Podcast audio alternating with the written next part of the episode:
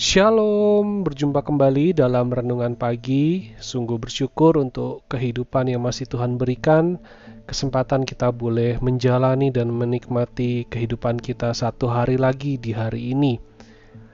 Mari bersama-sama kita merenungkan firman Tuhan. Saya mengajak kita untuk memperhatikan dari kitab Yeremia pasal yang ke-9. Saya akan membacakan ayat 23 dan 24.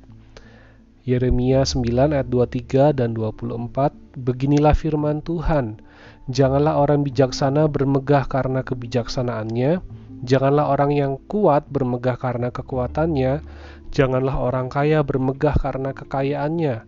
Tetapi siapa yang mau bermegah Baiklah bermegah karena yang berikut Bahwa ia memahami dan mengenal aku bahwa akulah Tuhan yang menunjukkan kasih setia, keadilan, dan kebenaran di bumi. Sungguh, semuanya itu kusukai. Demikianlah firman Tuhan. Ada satu pepatah mengatakan, "Sepandai-pandainya tupai melompat, akhirnya tetap tupai juga." Demikian juga manusia, sehebat apa pun yang bisa dilakukan oleh manusia, manusia tetaplah manusia dengan kelemahan dan keterbatasannya masing-masing. Tuhan memberitakan penghukuman kepada bangsa Israel dalam kitab Yeremia pasal yang 9 ini karena Israel telah menduakan Tuhan. Mereka tidak meninggalkan Tuhan, tetapi mereka menduakan Tuhan di satu sisi mereka tetap melakukan ibadah mereka sebagai ritual, sebagai rutinitas, dan di sisi lain mereka juga melakukan penyembahan berhala. Orang Israel berpikir bahwa Tuhan tidak tahu bahwa mereka menyembah berhala. Toh mereka tetap menjalankan perintah-perintah Musa. Mereka ikut penyembahan berhala supaya mereka bisa membangun relasi dengan bangsa-bangsa lain dengan harapan ada perlindungan. Mereka ikut penyembahan berhala agar ada hubungan yang baik sehingga usaha dagang mereka semakin besar dan mereka dapat meraih keuntungan yang lebih besar lagi. Tetapi hikmat manusia yang tinggi itu, kekuatan manusia yang besar itu, dan kekayaan manusia yang berlimpah itu tidak akan bisa membuat manusia luput dari rencana Allah, tidak bisa membuat manusia lepas dari kehendak Allah. Tuhan tetap datang untuk memberitakan penghukuman kepada Israel, umatnya sendiri.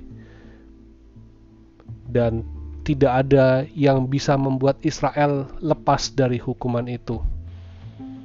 Dalam bagian ini Tuhan tidak melarang umat Israel untuk menjadi orang-orang yang berhikmat, Tuhan juga tidak melarang umat Israel menjadi orang-orang yang kuat atau orang-orang yang kaya, tetapi Tuhan mengingatkan agar orang yang bijaksana jangan bermegah karena kebijaksanaannya.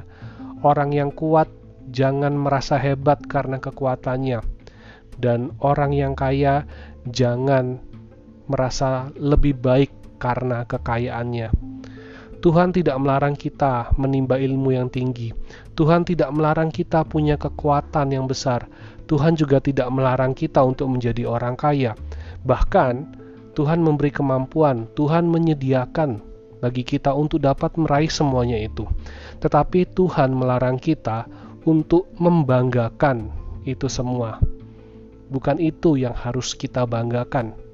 Karena banyak orang di luar kita orang yang ada di luar Tuhan, yang hikmatnya tinggi, yang kekuatannya lebih besar, yang memiliki kekayaan.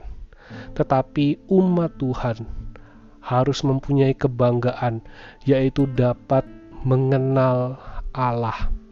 Karena Allah kita bukan Allah yang jauh, tetapi Allah kita adalah Allah yang dekat, yang seharusnya menjadi kebanggaan kita adalah bahwa kita mengenal Allah, Allah yang setia, Allah yang adil, Allah yang benar dan menyatakan kesemuanya itu bagi kita yang ada di bumi saat ini.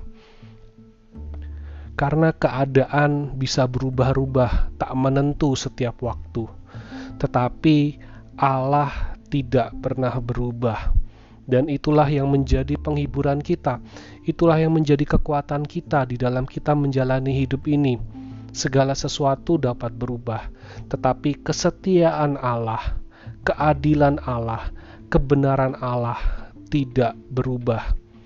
Dan kita pun yang hidup di dalam Allah ketika kita menyadari bahwa Allah tidak berubah, bahwa kita tetap dapat terus mengenal Allah, tetap dapat merasakan kasih Allah, dan kita juga dapat menyatakan kasih kita kepada Allah. Maka itulah yang membuat kita semakin intim dengan Allah, semakin mengenal Allah, dan itulah yang menjadi kebanggaan kita. Mari kita menjalani hidup kita dengan penuh rasa ingin semakin mengenal Allah, ingin semakin memahami Allah dan kita dapat menjalani hidup kita sesuai dengan yang Tuhan mau. Kiranya hati dan pikiranmu dipenuhi oleh pengenalan akan Allah dan bersukacitalah. Mari kita berdoa. Bapa di surga, kami bersyukur kami memiliki Allah yang hidup, Allah yang maha tahu, Engkau tahu ya Tuhan apa yang menjadi keraguan kami, menjadi pergumulan kami.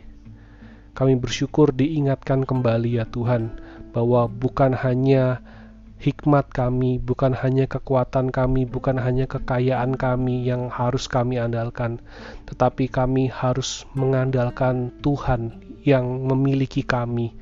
Kami adalah umatmu ya Tuhan. Tolong kami agar di dalam kebaikan maupun keburukan yang kami rasakan saat ini di tengah-tengah pergumulan yang ada. Tolong kami agar kami boleh melihat dan merasakan kasih Tuhan. Tolong kami ya Tuhan untuk boleh menyadari bahwa Tuhan berkarya dalam setiap hal, bahkan hal-hal kecil dalam hidup kami, Tuhan ada bagi kami.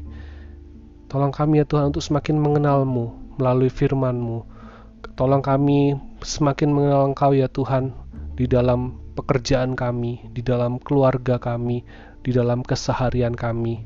Dan biarlah kami boleh bangga, kami boleh bersuka cita karena kami sungguh mengenal Allah secara utuh, baik dalam pikiran kami, dalam hati kami, dalam perbuatan tindakan kami. Kami boleh mengenal Allah yang begitu mengasihi kami, dan kami mau menyatakan kasih itu, ya Tuhan, melalui yang bisa kami lakukan, melalui yang bisa kami berikan, melalui yang bisa kami ucapkan. Dan biarlah kehidupan kami pun juga ya Tuhan boleh menjadi satu kehidupan yang penuh ucapan syukur karena kami boleh mengenal Allah yang begitu mengasihi, Allah yang setia dan Allah yang tidak pernah meninggalkan kami.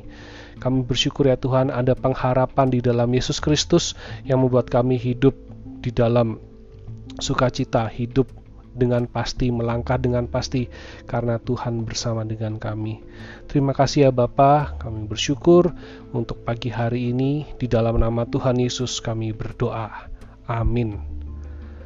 Selamat pagi, selamat beraktivitas. Tuhan Yesus memberkati. thank you